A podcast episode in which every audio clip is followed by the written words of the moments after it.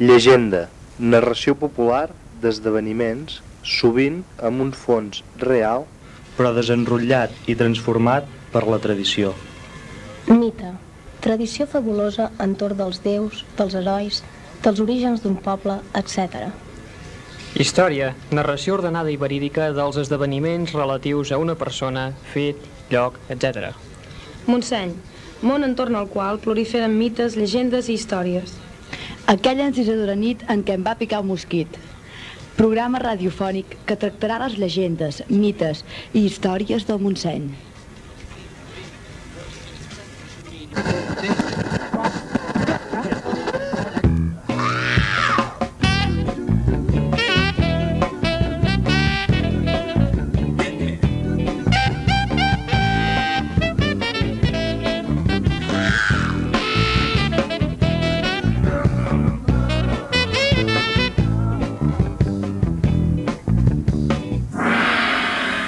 Ja sabeu el telèfon, el 864 865. per qualsevol cosa que, que vulgueu dir i afegint al nostre programa. Bé, com heu sentit a la introducció, avui basarem el nostre programa en les llegendes del Montseny, aquest paradís fantàstic que tots coneixem. Bé, primer de tot, eh, ens agradaria parlar d'una llegenda de caire històric que va passar aquí, molt a prop de d'Hostalric. És la història del cap d'estopa. La història del cap d'estopa eh, se centra en, en el gorg de Perxistó, que és en el municipi de Sant Feliu de Buixalleu. Al segle XI va morir Ramon Berenguer I, anomenat el Vell. Aquest va deixar com a successors els seus dos fills, que eren bessons, Ramon Berenguer II i Berenguer Ramon II, conegut com el fratricida. Uh, què va passar? Ra Ramon, Ramon Berenguer II era conegut com a cap d'estopa. Tenia una tendència que era que li agradava molt anar a caçar. I com tots sabeu, ja doncs, anava acompanyat sempre del seu animal de caça, favorit i fidel, l'astor.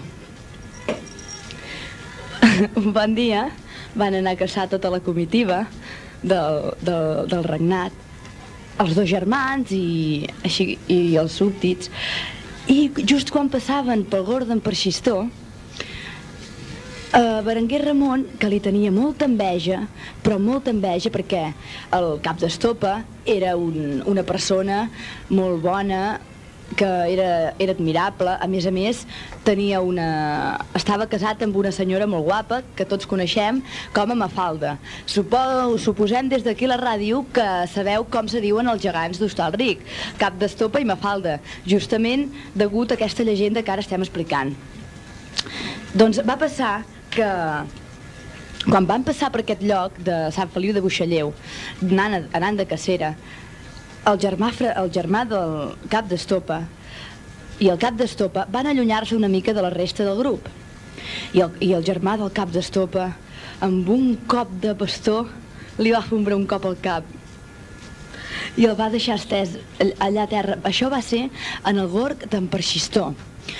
Va aprofitar que hi havia aquest gorg per tirar-lo a dins del gorg i simular d'aquesta manera que havia estat un accident. Va simular que havia estat un accident. Però el que no sabia el germà fratricida era que l'Astor, que sempre acompanyava el cap d'estopa, ja que era el seu amic fidel i el seu animal fidel, l'havia vist i havia presenciat tota l'obra d'aquest germà maligne. Llavors, estranyada tota la comitiva de no trobar els... de, de, de, que no veien aparèixer el cap d'estopa, el buscaren i buscaren fins que, sobtadament, van veure l'astor que cada vegada voltava i voltava pel voltant d'aquesta gorga d'en Perxistó. I, I clar, els va, això els va fer sospitar, perquè pensaven, què caram ens vol dir a l'astor que no vol seguir amb nosaltres, sinó que roda i roda. I finalment van deduir que allà havia caigut per, per un problema el, el germà Ramon Berenguer II. A partir d'aquí van agafar el cadàver i se l'endugueren cap a Girona. A Girona a la catedral els esperaren els sacerdots i tots a punt per enterrar Ramon Berenguer II, conegut com a cap d'estopa. Quan... Turn off the light. Take a deep breath and relax.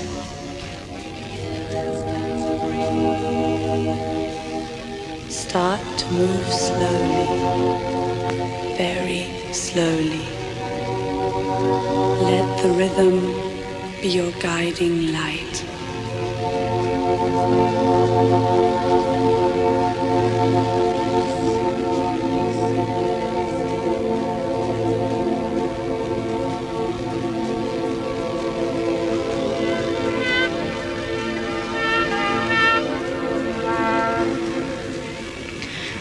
Quan van arribar a Girona a la catedral amb el cadàver d'en de, cap d'estopa, Ramon Berenguer II, el capellà, en comptes de fer el sermó, va dir les següents paraules.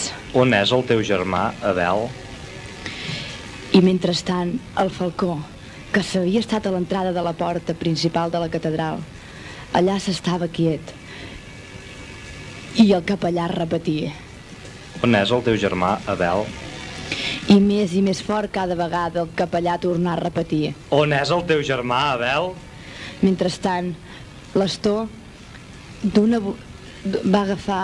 Va...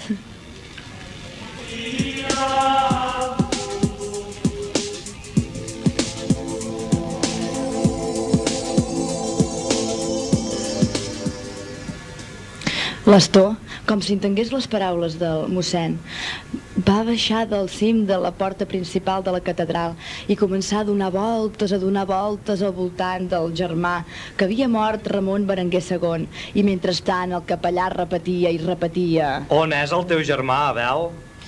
A partir d'aquest moment, tot el poble que havia assistit al funeral de Ramon Berenguer II, conegut com a cap d'estopa, va reconèixer que qui havia mort el Ramon Berenguer II no va ser, no, no va ser causa d'un accident, sinó que fou degut al seu germà, que era un envejós i només volia aconseguir tot el poder que havia recaigut sobre Ramon Berenguer II.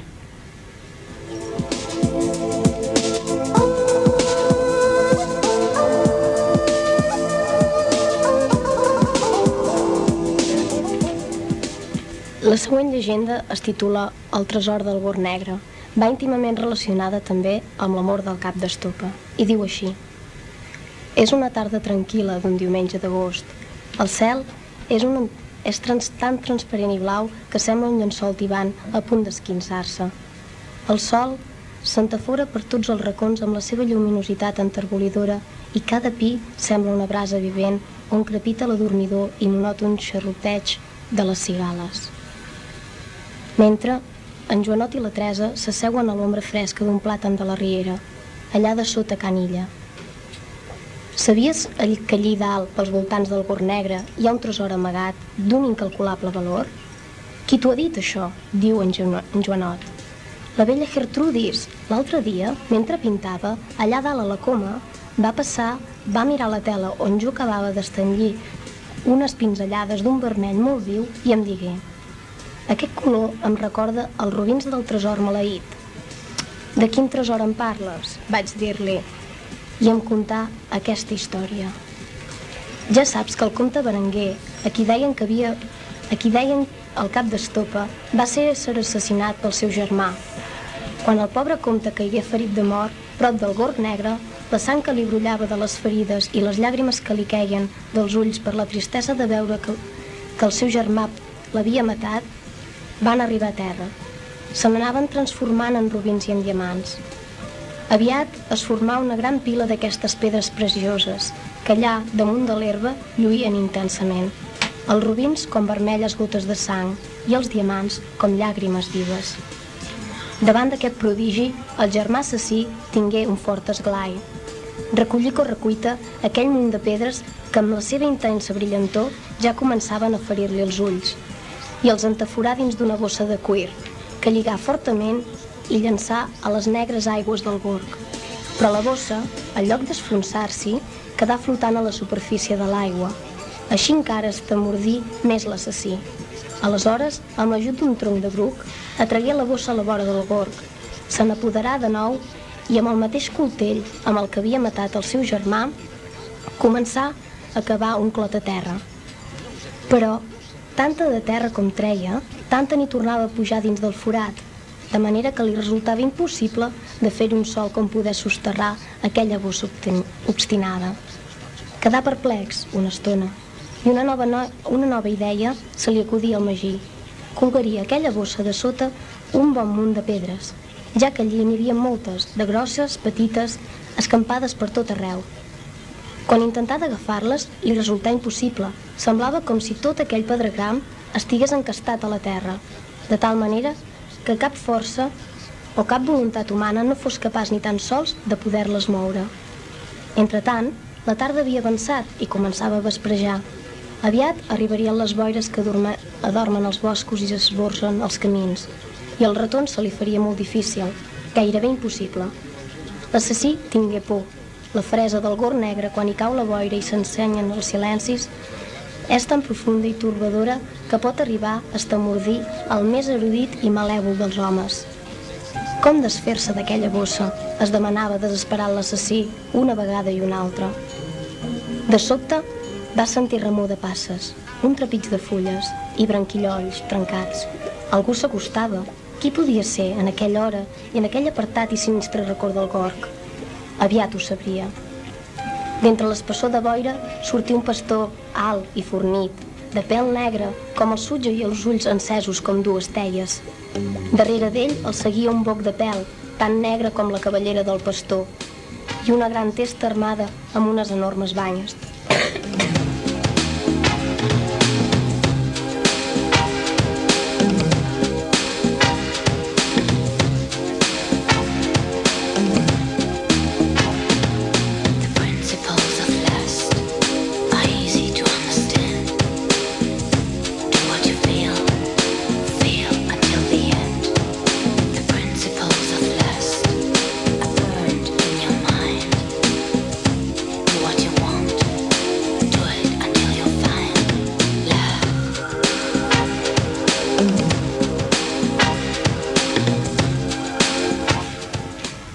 Continuem.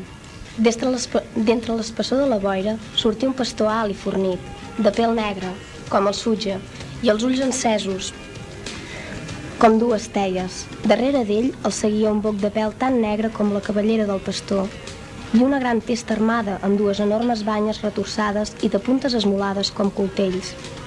El comte assassí, que ja havia desenveinat l'espasa, mirà fit a fit aquell estrany personatge i li preguntà on vas? Què busques aquí dalt en aquestes hores de tenebra? El pastor, amb una mà peluda, d'ungles molt llargues, assenyalà la bossa que hi havia a terra, davant els peus del comte, i només digué, la bossa. El comte envainà l'espasa i amb un ràpid gest recollí la bossa i allargà el pastor, tot dient-li, teva és. El pastor agafà la bossa, la posà entre les banyes del boc i amb dos desaparegueren dins la boira. Quan el trepig de les passes del pastor i del boc perderen en la distància, just des del mateix indret per on aquests dos inquietants personatges havien desaparegut, una veu d'un to dur i metàl·lic que recordava l'esbalatot que va fer el ferrer quan apillissava uns cops de mall una eina posada al roig viu, digué les paraules següents. Aquest tresor ja descansa dins les entranyes d'aquesta muntanya. Ningú no sabrà mai on és. Almenys, entre els homes d'aquest temps, tan dissociat que havia vist aquest fratricidi innoble i ferotge.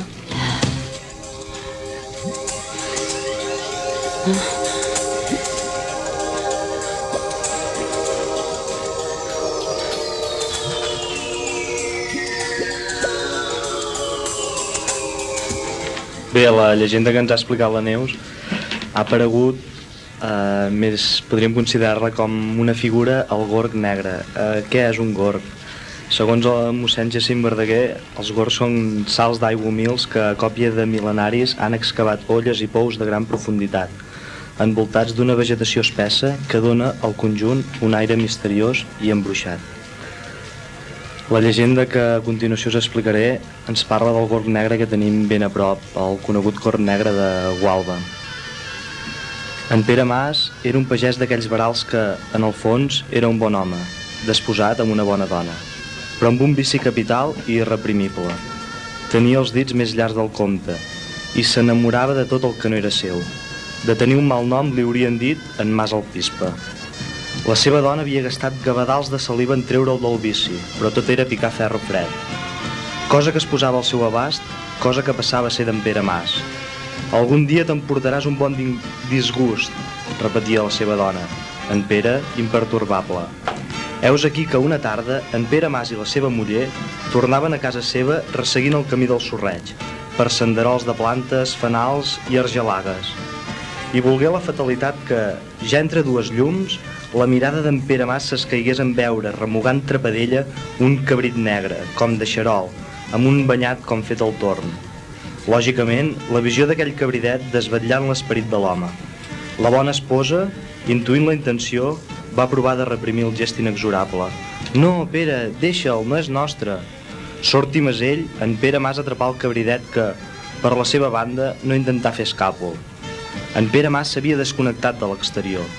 Dintre el seu cap dansaven follament les possibles fórmules culinàries per acruspir-se el cabrit, amb all i julivert, amb all i oli, a la brasa, ja el veia sobre la graella, a la llar, lluent d'oli. I els precs de l'esposa li relliscaven igual que una pilota a la paret d'un frontó.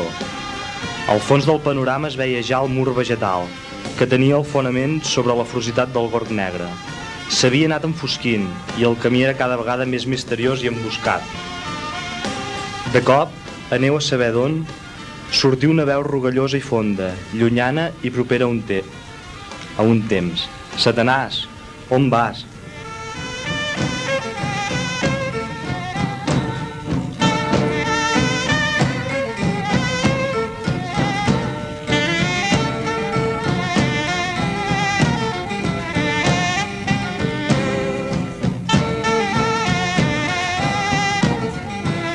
Una veu punyent sortí de la boca del cabrit enfilat a les espatlles de l'home.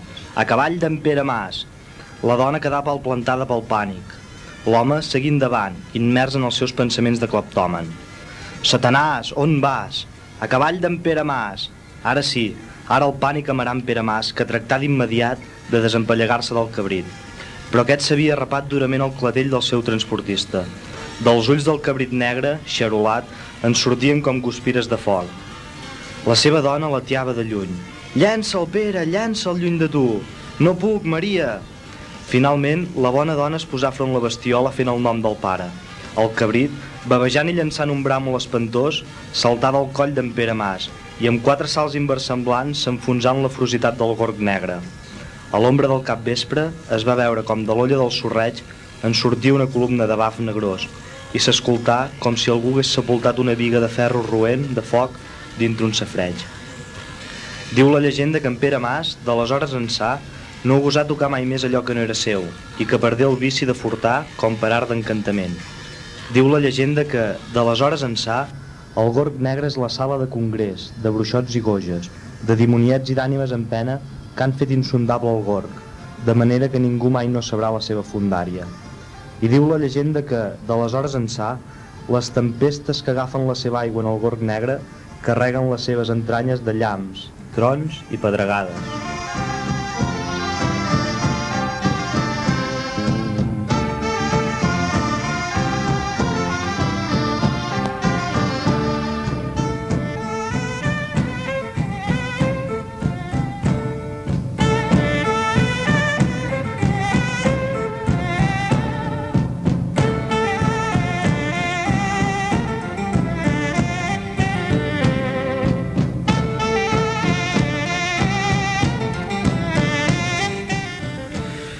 Hem parlat del gorg negre i possiblement també coneixereu aquesta llegenda que ara explicaré.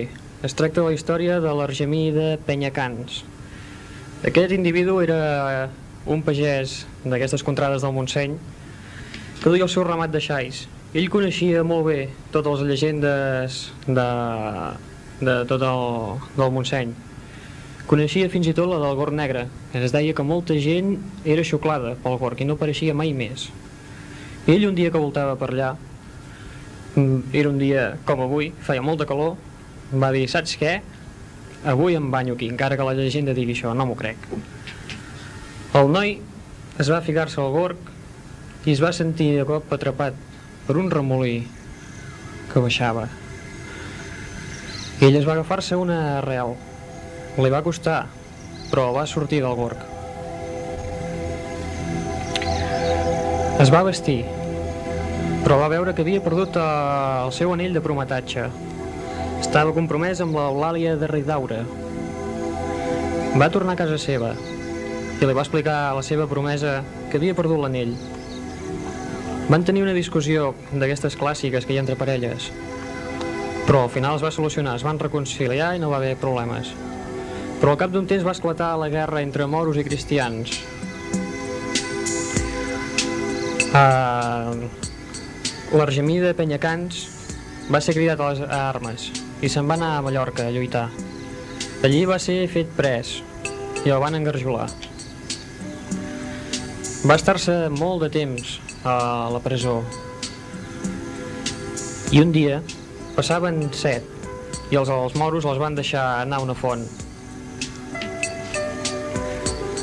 Aquella font era molt coneguda. Ells hi van anar, van beure aigua i, oh, l'Argemís va trobar-se que mentre bevia una cosa estranya li havia anat a parar a la boca. No va dir res. I quan va ser de nou a la seva cel·la, es va treure la cosa aquella de la boca. Era l'anell de prometatge de l'Eulàlia.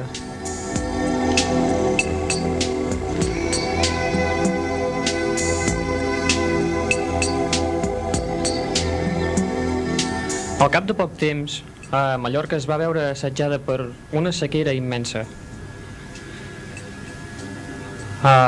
L'Argemí va anar amb el cap dels moros i li va dir, li va proposar que ell sabia la manera de tornar a restablir l'aigua.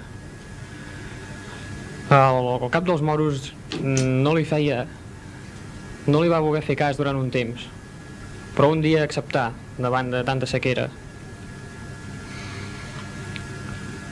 li va donar permís per anar de nou a les seves terres al Montseny, però havia d'anar amb una patrulla de moros.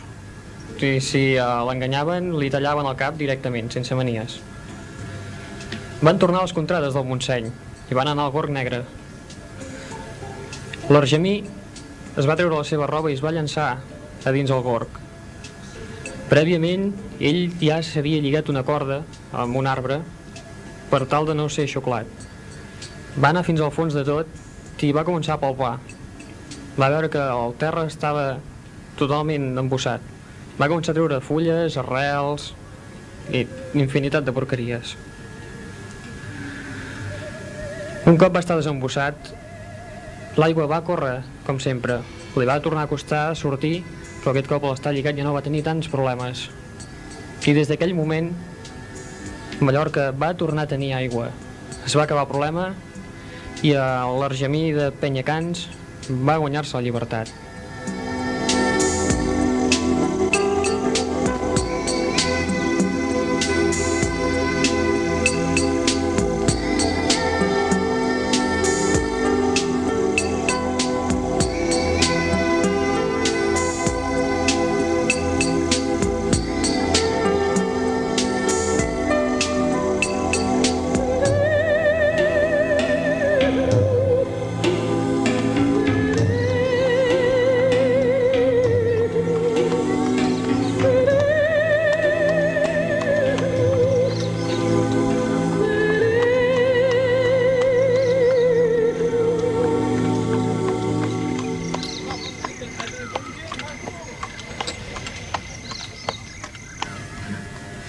La dama roja del castell. Cada any, per Sant Joan, en el castell de Montsoriu, es pot veure arribant a la nit, com, un, com per damunt de, de, de la torre de l'Eure, s'alça la dama roja del castell. Els seus formosos cabells lliures li surten per damunt les espatlles i el front alterós rep la foscor de la nit. A la mà esquerra suporta una llanterna encesa que la il·lumina el rostre pàl·lid i a la dreta els seus dits envolten un corn de caça que aplica els seus llavis, deixant escoltar tres perllongants tocs que s'escampen per la suau fresa de la nit. Des del coll del castellà es deixa sentir responent al darrer toc, un altre cor de caça, a la recerca del responsable dels primers. En poca estona apareix un cavaller vestit de nit, amb un, amb un cavall negre, també, que en arribar a la torre pren la dama roja del castell de Montsoriu per a muntar-la a la gropa i marxar a galop, desapareixent en la doble foscor de la nit i de les boscúries.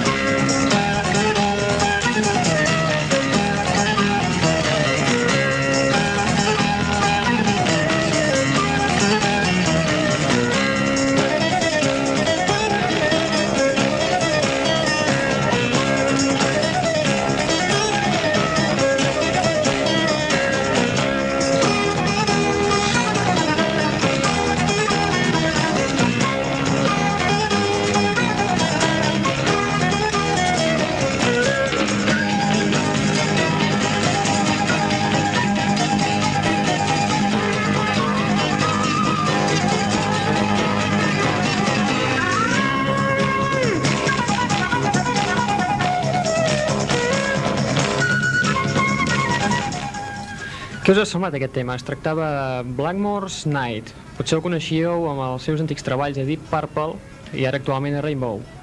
Era Richie Blackmore, amb el seu tema Play Minstrel Play. Bé, després d'aquesta petita recopilació de llegendes de la nostra muntanya, del nostre guàrdia, encara que no em deixen que ho digui, però ja ho dic, parlarem una mica sobre les llegendes, els mites, les històries d'aquesta muntanya màgica del Montseny. Què en dieu vosaltres? Um, doncs a veure, primer demanar excuses per la meva veu, avui no estic en gaires condicions, però... Bueno, continuo. Doncs que això de la mite i la llegenda, com hem sentit fa un moment els exemples, doncs jo crec que va haver un moment que van sorgir per necessitat de les persones en aquella època, necessitaven creure en alguna cosa o bé simples fets que no, que no podien explicar perquè no els entenien, doncs muntaven una història d'aquestes i quedaven amples i satisfets. No ho sé, aquesta és la meva Volien satisfer la opinió. ignorància, no? Bé, si recordem la definició de llegenda que hem donat anteriorment, ens diu que és una narració popular d'esdeveniments sovint amb un fons real. Exacte, bueno. És a dir, O sigui, es pot pensar que després de tot aquest seguit de llegendes que us hem fet arribar a través de la ràdio, doncs no cal que siguin al 100% certes, però si ha sortit d'aquí, a part del de bocí d'imaginació de cadascú de les diferents generacions doncs, que deuen haver anat eh, afegint coses i engrandint coses i traient coses, el, un origen hi deu haver de tot això. Un origen sí. verídic més o menys. que No creieu? Que el nostre oient jutgi quina és la part real de les llegendes. per exemple, o si té experiència d'algun fet d'aquests, també, si ens ho pot fer saber, recordem el telèfon. El 864, 865. D'acord, doncs, clar, això que deia la Neus també és cert que eh, quan la societat en si ja té, està en crisi, en crisi doncs de de- d'ideal, sobretot s'ha d'aferrar en alguna cosa que li és fàcil fàcil per ella, llavors per això s'inventa s'inventa o per algun fet natural propi doncs, de, de l'estació de l'any o del moment de la zona en què viu doncs passa, doncs això ho atribueix a uns fets bastant com si diguéssim estrany, Fantàstics. fantàstics sí, Sí, sí, però hi ha llegendes que, és que no s'aguanten per enlloc. Per Ara, exemple- Per exemple, aquesta que he explicat ara fa poc. la de... Doncs jo trobo que aquesta teva Aquesta- encara podria ser un fet real. Però com vols que arribi l'aigua? La naturalesa no té fronteres. Bleh. Ui, fronteres, malament. També diuen que, parlant de passadissos, hi ha un passadís des del castell de Montsoriu fins al castell d'Hostalric. Ah, I això. això I és... Fins a Massanet i fins a Blanes. Sí, sí. Sí, això I és- d'aquí, per exemple, també s'explica quan van assetjar el castell de Montsoriu, doncs els moros també quan el, quan el van assetjar van, eh, volien doncs que es, que es rendissin i es pensaven no, que quedarien rendits. I en canvi al castell de Montsoriu van sortir d'allà eh, la mar de, de satisfets, els moros i els que els assetjaven van quedar esturats de veure'ls com se conservaven de bé i llavors els van convidar a un gran tec de mostrar-los que no havien perdut el contacte amb el món exterior per això que dieu perquè es veu que hi ha un passadís que els podia connectar fins aquí a Hostalric Home, I- però potser sí que hi havia un passadís, però tan llarg, no. Que arribés... Bé que hi ha gent que hi ha anat. Ah, sí? Clar. Sí, sí, Ui. sí, sí que hi és, sí. sí. sí Bé, abans, Que gent que um, hi hagi passat o que o si sàpiga ho que coneix, és segur, si ho coneix també que ens ho digui a veure si fan nostra. creure. No, Llavors- jo de moment no m'ho crec. també és, a veure, que, vosaltres creieu que la part de l'església també té un paper important en tot aquest aspecte? Home, en moltes llegendes Sí. que hem llegit hi apareix la figura del moro traïdor, del moro enemic, i en quina època podem assegurar que es van fer aquestes llegendes? Quan el cristianisme lluitava contra, contra els moros. Exacte. Molt bé. Fàcil de dir. Sí, sí. Ja es veu. A part que d'un altre... O sigui, això va sorgir aleshores, però llavors també l'Església castigava aquests tipus de llegendes, pensaven que eren heretgies, tot i que moltes estan basades en fets de... Suposo que de la Bíblia mateix o coses així. Uh, la religió cristiana, les altres no ho sé perquè no les conec, critica o jutja pejorativament els fets pagans, els, el panteisme, el fet que la naturalesa tingui vida. Aquest fet és criticat durament per l'Església cristiana i fins i tot condemnat a la mort. Recordem la Inquisició, matava, cremava les bruixes. Per què? Simplement perquè coneixien herbes eh, Naturals. Sí, naturals sí, que poca cosa. guarien remeis Mm. i només per aquest simple fet ja les consideraven com a bruixes. És a dir, si comencem aquí aquesta que he llegit jo d'en Satanàs i en Pere Mas, aquesta com no la volen criticar. Crec que l'Església ha mantingut una postura molt inflexible, sobretot per aquestes llegendes. Clar, per, a- per altra banda, també deu haver optat aquesta posició per això, per, per donar-se ell com donar-se a l'església com un punt, un punt cèntric eh, que la gent doncs s'hi pogués aferrar només, només a l'església i així tenir dominat tot Clar. el poble sense, sense donar opció que pogués conèixer aquest poble doncs Clar, d'aquesta manera els convencien més, suposo. sí, els, els tenien als seus peus Anar en contra. Però és que tampoc s'agafen per enlloc. No, no, perquè de fet l'Església en si explicava les coses que no coneixia també de, amb, amb mites Sí, i com per exemple Satanàs. Però Satanàs sempre- és una llegenda, vull dir, jo no he vist en Satanàs. És, és un animal o un... És, és un altre tema, d'acord, però vull dir... Per ells no és una llegenda, per això. Bé, eh, Bueno, però és un altre punt de vista, també formulat amb el mateix fons. Suposo que també hauríem de mirar en quin context es llegien o s'explicaven aquestes llegendes. Aquestes llegendes provenen de la veu de, dels ancians i s'explicaven a la vora del foc abans d'anar a dormir. Es feia flors d'hora, no hi havia ràdio, no hi havia televisió i amb alguna cosa havien de matar el temps. Natalitat. Bé, però quan hi havia els nens i tal, els nens no poden natalitat, m'entens, oi? Mm, bé, Els avis havien d'explicar les seves llegendes... bé, si els avis sí. Sí, clar, seves passant en família en família. Així Exacte. ens han arribat a nosaltres. Exactament. Mm. I a la majoria de llibres que hem consultat hi ha les mateixes llegendes, és a dir, ens movem en un ventall de 10-12 llegendes que hi són a tot arreu, les més importants explicades d'una manera o d'una altra, sempre amb el mateix final, però en la majoria de llibres que hem consultat hi ha aquestes llegendes, les més importants del Montseny. Per tant, totes les famílies, o si tots provenim d'una família, que ho dubto, sabem les mateixes llegendes. donar versionades per això, perquè les, per això mateix, perquè no tothom té la mateixa no té tothom la mateixa font i per tant es va la, la història doncs va degenerant per un costat Sí, depèn d'on et moguis. Més o O- menys en una o per zona, t'expliquen una cosa, en una zona o una altra. llavors també quan suposo que quan l'home se sent sol quan de, fa, fa volar la imaginació i fenòmens com per exemple els com hem dit abans, tots els, els sons de la natura, moviment d'arbres, com les fulles, el, el, el so que fan les fulles amb el vent, quan els animals caminen que fan cruixir les branques seques del terra, tot això doncs desperta la imaginació de les persones que ho senten i, i desencadenen tota aquesta sèrie de històries. Sí, però veure, tot això, tots aquests, les fulles que es mouen, els sorollets, sempre passa per Sant Joan. A veure, i els altres dies què? Home, Sant Joan és una nit màgica. Sí, la nit de les bruixes. És la nit més curta de l'estiu. Sí, però és que per Sant Joan passen un merder de coses que... Ah, la nit de les bruixes. Sí, va, però... Potser vol dir alguna cosa. Potser és veritat. A veure, pues que pels boscos hi hauria un trànsit que si ara dames per aquí, certs per allà, et salten cavalls de cop. No, no.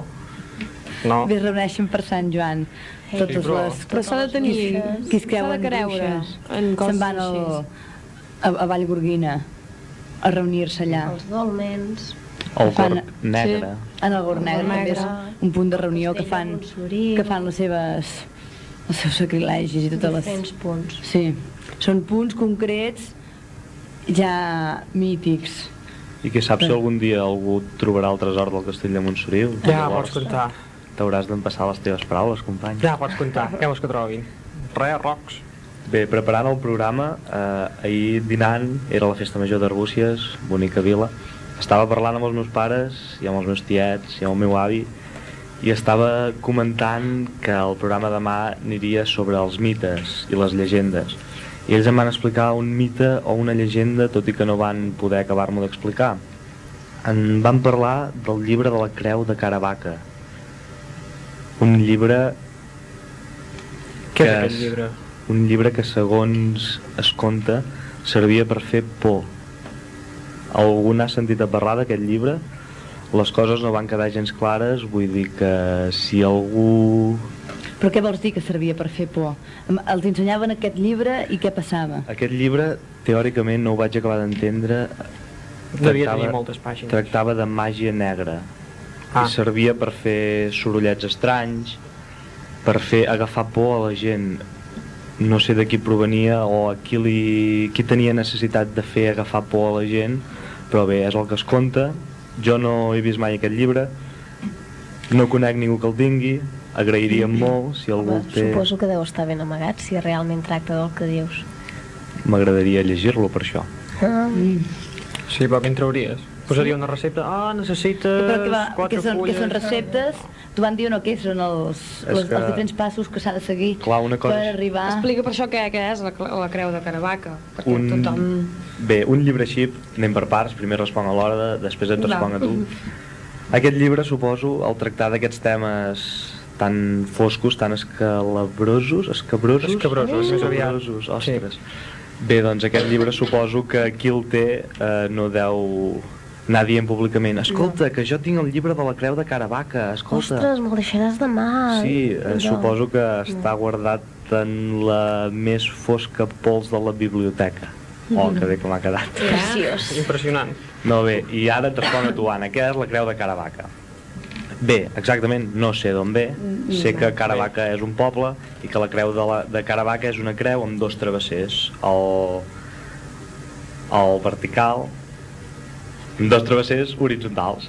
Ui, Molt bé. m'he quedat igual.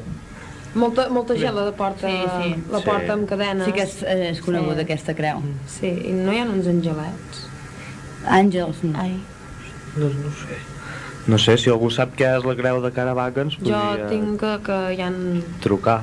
els o angelets. realment què significa la creu que sola? significa la creu sola. Deu voler dir alguna cosa. Però llavors el sacerdot aquí hi tenia una part, i, i, tenia un paper, No en tinc ni idea si el sacerdot anava a tenir el llibre, si no tenia el llibre, si el sacerdot feia servir el llibre per fer por als no creients, Ens estàs posant una guita, eh? per convertir-los en creients, no en tinc ni idea. Per això necessitem que algú ens truqui i ens ho comenti. Algú que veritablement estigui documentat.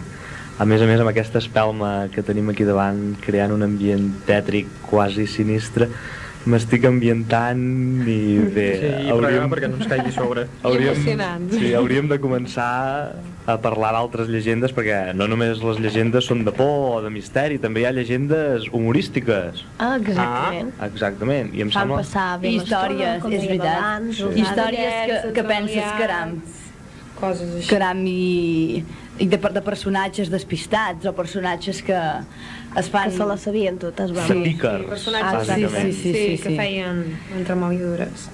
Doncs vinga, n'escoltem una? Escoltem-la, Per vinga. exemple, Va. Doncs endavant. En... En Motilai era un pobre home que va agafar una llebre. Aquesta llebre ens ha de fer la vida. Què ha de fer? Va dir la seva dona. Tu ho veuràs. I amb la llebre coll se'n va anar cap a la ciutat del rei i va ficar-se en un forn.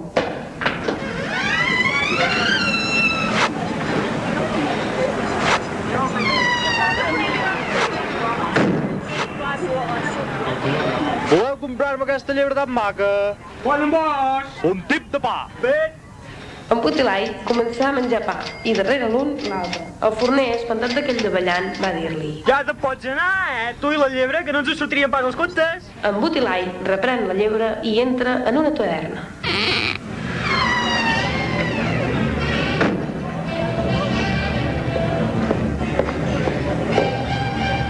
Voleu comprar-me aquesta llebre tan maca? Sí que ho és, tu diràs quan en vols. Un tip de vi. Vinga, fet. En Butilai va començar a veure i darrere un porró en va buidar un alt.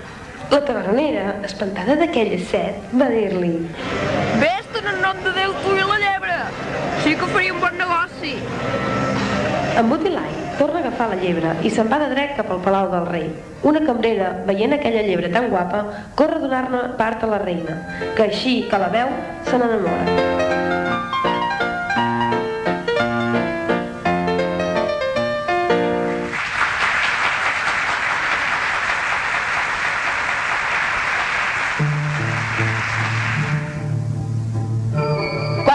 D'aquesta llebre? Un tip de geure, perquè vinc molt cansat, però ha d'ésser al vostre llit. Això sí que no. Doncs me'n torno a llebre.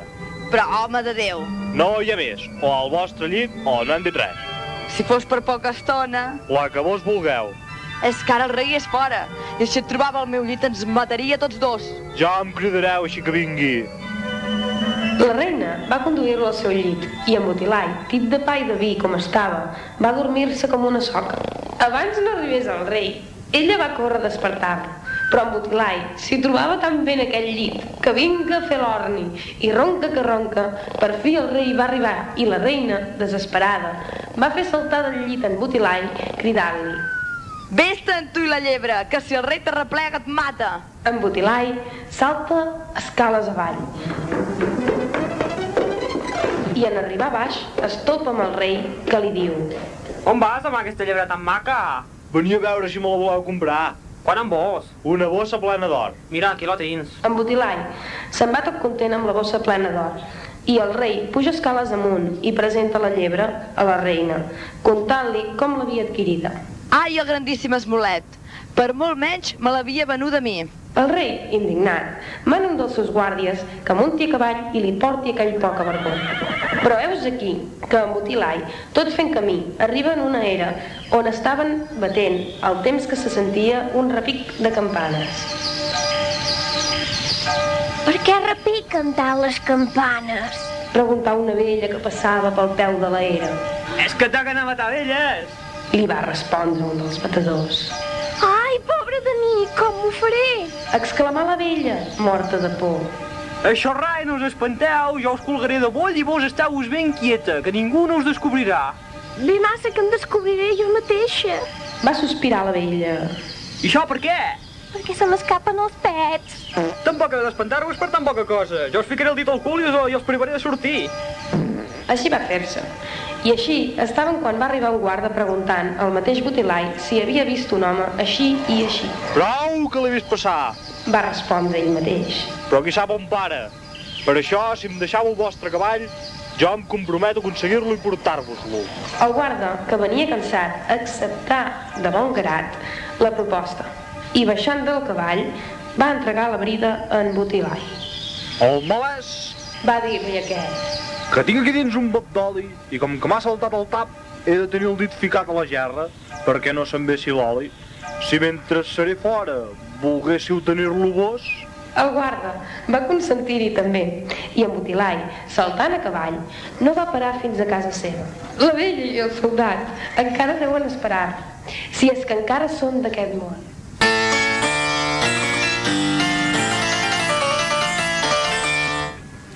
Bé, què tal? Què us ha semblat? Bé, suposo que aquesta llegenda mostra perfectament la picaresca catalana, tipus Lazarillo de Tormes. El, el Lazarillo es va ambientar d'aquí, segur. Segur, Segur que sí. segur, segur que això d'anònimo L'Anònimo... una sí, peça única, primera... No, se no. li va veure molt al plomero i va dir Sí. no, Una vulgar còpia d'en Butilai. Sí, sí. Però al final, aquesta versió que he fet potser és una mica dubtosa, aquesta A veure, versió. explica'ns-la, Raül. El batedor no és el batedor, o sí? Què Oh. vols dir amb això? Ara sí I que ara, m'has i ara, deixat Raül. pedra. No, Doncs digues. Uh, si de, des de casa hauria estat bé que el haguéssiu gravat i l'escoltéssiu un parell de vegades. Sí, ja ho sé, és fer propaganda, no cal que em mireu així, Els però, bons programes s'han de gravar. Ah, bueno, clar, doncs així el greu que l'haurem gravat. però al final deixa... És per pensar una mica. Vinga, explica'ns el Raül, va. Home, però llavors per la gràcia. Home, no ens el vols explicar gens ni mica? Mm, home, però no us ha desconcertat uh, l'últim tros d'en Botilai? Allò que ha dit... Uh, estem amb la gerra, pues, bueno, posi el dit a la gerra i... O no? Bé, aquí tothom posa una cara... Home, suposo que com totes les llegendes deuen tenir les seves versions, cadascú fa Sí. la interpretació que vol, Sí, sí. Per tant, tot és vàlid, eh? tot és vàlid. Mm. Bé, doncs deixem-ho així i ja està. La interpretació de l'oient aquell que viu al costat de l'església, val. La També. interpretació que aquell que viu a l'altra banda del poble, també, També. val. Bé, val.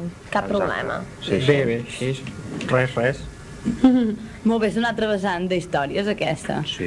De fet, d'històries en continuen havent moltes, i sobretot de personatges fantàstics i coses així. Sobretot en els mites, les dones hi tenen un paper important. Molt important. Dones, deesses... Recordem que la dona sempre ha estat lligada al camp i a les feines de recol·lecció, per tant, A què ve això ara? no, el... no vull dir res, jo! Ui, jo, jo. Ai, Sembla que tenim una trucada, deixem aquest tema tan Això. complex. Hola. Hola, bona tarda. Bona tarda. El nom? Mm, Maria, Des d'on Hola, ens Maria. truques, Maria? des de Breda. Mhm. Mireu que trucava per el que parlàveu abans, la Creu de Caravaca, Sí, que he trobat que Caravaca és un municipi de Múrcia i que és molt important per un fet històric que succeïa el 1232, caram. que és l'aparició de, la, de la Santa Creu, que és, suposo que és la creu aquesta que parleu, dels dos Mhm. Sí, sí que deu ser aquesta. I que es veu que va determinar la reconversió al cristianisme d'un rei moro que es deia Said Abu Said, una cosa així. Llavors suposo, per lo que he llegit, es veu que aquesta creu doncs, s'utilitzava això doncs, per fer por, el que heu dit una mica abans, no? Per fer por perquè la gent que no creia en el cristianisme es reconvertís. Ah, doncs molt bé. I del llibre n'hi diu alguna cosa? No, no, del llibre no, no n'he trobat res, només de la creu. Molt bé, l'origen, no? L'origen de la creu. Uh -huh. Està molt bé. Bé, bé. Molt bé, Maria. Moltes gràcies, Maria. Molt bé, vosaltres. Escolta, Merci. Maria, abans de que marxar, Sí. que si ens vas sentir el cap la setmana passada, eh, tots els oients que ens truquen, Mhm. us diem el vostre horòscop de la setmana. Ah, molt bé. Eh? Quin signe ets? Sagitari. Doncs mira, com que ets sagitari, no et mereixes cap comentari. Ah, Mira, D'acord, sento, Maria. t'ha tocat, eh? molt bé. doncs vinga. Les estrelles manen. Doncs apa, merci. Adéu, Merci, Maria. bona nit, adéu. Bé, estàvem parlant de les dones d'aigua. Sí, Sí, sí. Explica'ns-ho, deixem-ho Neus. així. Sí. Què els Bé. hi passa a les dones d'aigua? Jo sé una història d'una dona d'aigua. Uh, de fet, hi ha moltes històries de dones d'aigua. Sí, hi ha diferents perquè- versions. Perquè, de fet, És- és... que estem envoltats de rieres, rierols, sobretot per la part de Sant Hilari, Arbúcies, Sí, tot Arbúcies. dalt. Mm. Una d'elles, la que expliquen, que jo em sé, és, és d'una dona d'aigua que vivia per la riera d'Arbúcies. I un bon dia va conèixer un camperol. Normalment aquestes dones d'aigua no es deixen veure pels humans, però aquell dia va coincidir. I ves per on que es van enamorar. I mira, no van poder-hi fer res i van dir doncs ens casem. Dintre dels cànons no, no es pot fer perquè les dones d'aigua no poden congeniar amb els humans, però van decidir que es casaven. Però ella hi va posar una sola condició, que durant el matrimoni no podia sentir-se mai cap retret de que ella no era una humana sinó una dona d'aigua. I així van passar molts anys feliços, excepte un dia que van tenir una d'aquelles típiques discussions entre matrimoni i ell, sense adonar-se'n, li va fer el retret que era una dona d'aigua i que no era una dona i per això no podia tenir els mateixos sentiments. Així és que ella va agafar i va marxar dient-li que mai més la tornaria a veure. Això sí, les seves filles que havia tingut amb ella eren sagrades i que elles sí, però ell no. I es diu que cada nit, al voltants de les 12, les filles baixaven a la riera i la mare les pentinava i les cuidava. I el pobre camperol mai més va poder saber res. Caram. Caram, caram. És una versió. És una versió. Sí, però també hi ha l'altra, Sí. en què la dona d'aigua, a les nits, torna a la casa, sense que el La, marit... la dona va a la casa, no no és pas la, les nenes no van a veure-la No, amb no, no. És la dona d'aigua que se'n va a casa, les pentina, neteja una mica la casa... Es compra la casa, pim-pam. Sí, fa les feines, sense que el marit ho sàpiga i... Vés a saber d'on ha sortit aquesta versió. Sí, Bé, aquesta és la versió oficial, ja que és la versió que hi ha a l'audiovisual de la Gavella, al Museu Etnològic del Montseny d'Arbúcies. És un audiovisual que parla de les llegendes.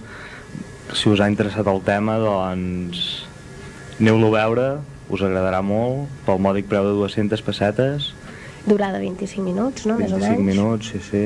I sigui molt bé, assequible per l'abast de tothom. I si no és assequible, a partir de 20 persones, preu especial. Ah, exacte.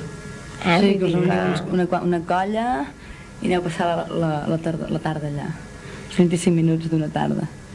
Ara que les històries aquestes de les dones d'aigua, aqu- aquestes sí que, sap greu, proposar-me la contrària, però impossible. Es trobo molt... Aviam, jo us vull dir una cosa. Hi ha una altra versió també pels voltants dels rius de d'Arbúcies que parla que aquestes dones d'aigua eh, sobretot a les tardes xafogoses d'estiu una tarda com la d'avui Sí. per exemple doncs eh, apareixen eh, ap apareixen en, en unes gorgues especials en forma, tenen forma de petxina i tot i apareixen en forma o sigui, d'unes merles sabeu què són les merles, els ocells que són negres amb, amb la panxa amb el pit blanc. Doncs d'aquestes merles apareix la dona la dona d'aigua. Això pot ser més creïble en el sentit que explicàvem abans. O sigui, aquesta historieta es pot, pot haver aparegut en els llibres de llegendes i mites doncs, relacionant els fets naturals amb, amb, amb, pro- amb pròpia imaginació. És molt lògic que a prop d'un rierol si, si hi neixin ocells, merles en concret, i, i doncs d'allà entre les eh, ara, ara les, les tardes, sobretot quan comença a fosquejar, els últims rajos de sol que toquen, que produeixen diferents eh, eh, siluetes i ombres estranyes doncs, de, de, de la pròpia vegetació que hi ha als rius, això pot produir a vegades una, una ombra semblant a una dona i llavors algú que passés per allà podria haver-se imaginat l'aparició de el canvi de merla a dona. Bé, i encara Això. hi ha una altra prova que demostra que la llegenda de les dones d'aigua no és tan absurda. Segur que tots els que som aquí a la taula i la gran part dels nostres oients han sentit a parlar de les sirenes. Què són les sirenes? Són dones d'aigua. No. Per tant, si hi ha diferents cultures, bé, són dones que surten de l'aigua. Però una dona d'aigua és una dona feta d'aigua. Ah! Bé, tu aquí. Bé, però no has vist surt- la mítica pel·lícula d'Excalibur? Sí, però bé, si la dona d'aigua al final es casa amb aquell camperol i, i, i pim-pam, doncs... Ja està, per terra. Jo he vist Totalment. la pel·lícula Excalibur i he agafat la, la visió d'allà. Sí, sí que és una, una I almenys hi ha un moment que surt el braç d'una dona d'aigua i és... És aigua. És aigua. cascades, És, és una dona molt clara, riu. bueno, vestida i tot es veu, Sempre però molt clara com si rius. fos aigua. Home, les llegendes no seran iguals a tots els pobles, vull dir, les sirenes Ostres. també es poden considerar dones d'aigua, Ah, i, Sí, de... depèn de la visió, sí. i deixem aquesta discussió salomònica perquè Sí. em sembla que ja és hora... És hora, Sí. és hora. Ens Ens posem hem deixat mica? moltes llegendes perquè n'hi ha moltes. Però un altre programa també Segurament farem un altre veu programa. que continueu vosaltres discutint a casa vostra abans d'anar a dormir, fent el ressupor, que en parleu, A la vora del foc, Exacte. Mm. o d'una espelma, com nosaltres. Sí, que o fa del molta calor. ventiladoret també estaria bé, Sí, perquè... I que sigui silenciós. i tant. Bé, fins la setmana que ve. Molt bé. Adéu-siau i merci per estar amb nosaltres cada setmana, eh? En... I ja en som tres. Ja portem la tercera setmana d'aquest programa, aquesta encisadora nit en què em va picar un mosquit. Adéu-siau. Adéu. Radio Row.